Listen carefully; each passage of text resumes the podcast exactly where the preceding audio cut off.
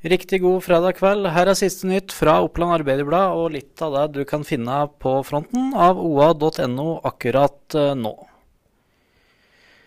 Nå har jeg brukt opp flaksen min. Det sier Jostein Fossum Strøm, som kom, hjem, kom trygt hjem til sin familie samme dag som han var i ei ulykke.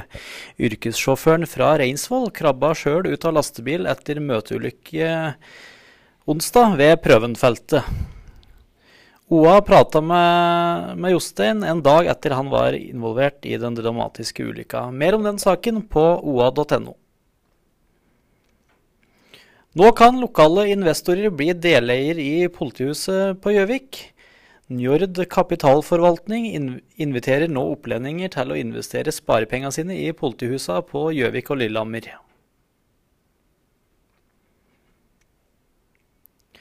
I siste utgave av OA-podden har uh, OA fått besøk av Gjøklyn-trener Espen Haug.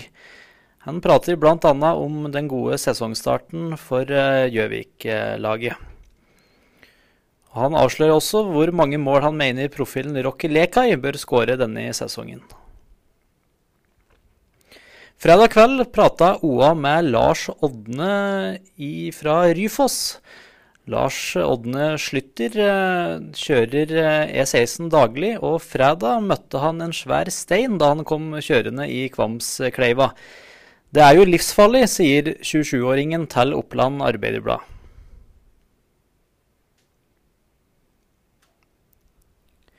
Fredag ettermiddag og kveld var det storkontroll av russebiler på Biri. Det er betryggende å bli kontrollert, sier russejenten fra Lena, som OA møtte på Biri travbane. Mer om resultatet av russekontrollen og hva Statens vegvesen sier om tilstanden til russebiler på oa.no. 80 år gamle Lisa lærer bort kunsten å duellere med sverd. Hver mandag pendler Lisa Doblaug fra Follebu til Gjøvik for å trene med og instruere kara i Gjøvik fekteklubb. Den uforskamma, spreke 80-åringen håper jo flere vil slutte seg, til en idrett som for mange er ukjent. Mer om Lisa Doblaugs spennende liv på oa.no. Vi minner om at vi sender masse sport denne helga.